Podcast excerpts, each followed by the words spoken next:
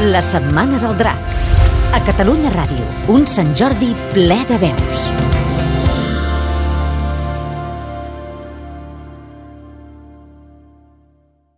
Fa anys que intento escriure una història d'amor entre l'amor correspost i l'amor no correspost. Fins ara no me n'he sortit perquè els protagonistes no permeten cap abans en la relació. Si és tan correspost com diu, el primer trobarà la manera de seduir el segon, em repetia per animar-me.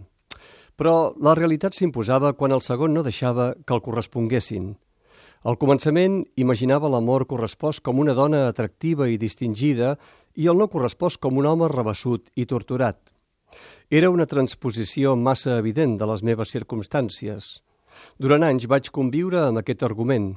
Quan hi pensava amb una intensitat sotmesa als imponderables domèstics i als ponderables professionals, em desesperava. La idea no avançava. Cap dels antagonistes no renunciava a la pròpia essència. També intervenien factors externs que ho dificultaven. Havia decidit que es coneixerien en un avió, però aleshores es va posar de moda que a totes les pel·lícules, novel·les i sèries de televisió els avions hi tinguessin un paper rellevant.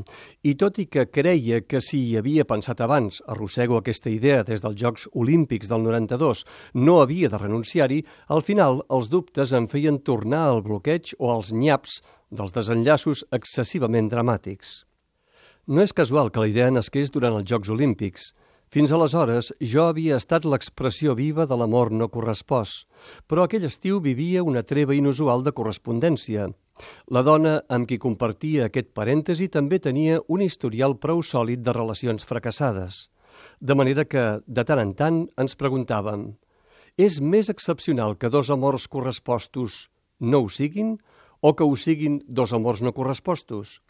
La prova que la condició de no correspost va tornar a imposar-se és que l'últim dia dels Jocs, amb l'inici de l'epidèmia de vanitat, que va transformar la ciutat en quilòmetres de platja recuperada que van multiplicar els riscos de naufragi, ella em va deixar. Ho vaig viure amb la miopia de qui, per falta de pràctica, confon l'excepció amb la regla. D'aquella circumstància me'n va quedar durant molt de temps una antipatia militant contra l'olimpisme, no pas per raons esportives, sinó perquè sempre que se'n parlava m'obligava a recordar el que m'estimava més oblidar. La història que m'hauria agradat escriure, quan encara no hi havia renunciat, parlava precisament de trencar aquesta paradoxa i d'aconseguir que els antagonismes sentimentals superin els propis límits. Ho admeto, simpatitzava més amb l'amor no correspost que no amb el correspost.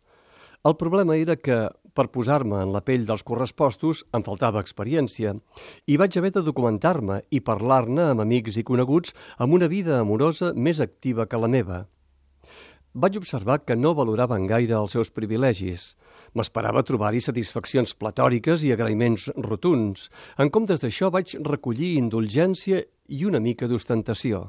D'ençà d'aleshores respecto més l'amor no correspost i, potser perquè el temps transforma les decepcions en una mena enganyosa de prudència, intueixo que ser correspost o no respon a dues interpretacions del mateix sentiment. La necessitat de dependre d'algú o, pitjor encara, que algú depengui de nosaltres. Per això ja no reacciono amb virulència contra els Jocs Olímpics. Al contrari, durant la cerimònia d'obertura dels de Beijing em va commoure l'atleta que, torxa en mà, corria pel cel transgredint la llei de la gravetat i de la ingravitació, observat per milers de milions d'espectadors. I, tot i sabent que aquell efecte era la conseqüència d'una tramoia militaritzada i sent conscient de l'artificiositat que disparava els flaixos de l'estadi, vaig desitjar que l'atleta arribés al paveter i encengués la flama que, desafiant mals avaranys i donant sentit a mesos d'entrenament, provant una cosa aparentment tan impossible com que l'amor correspost i el no correspost visquin una història perdurable, obtingués la justa recompensa al seu esforç. La Setmana del Drac.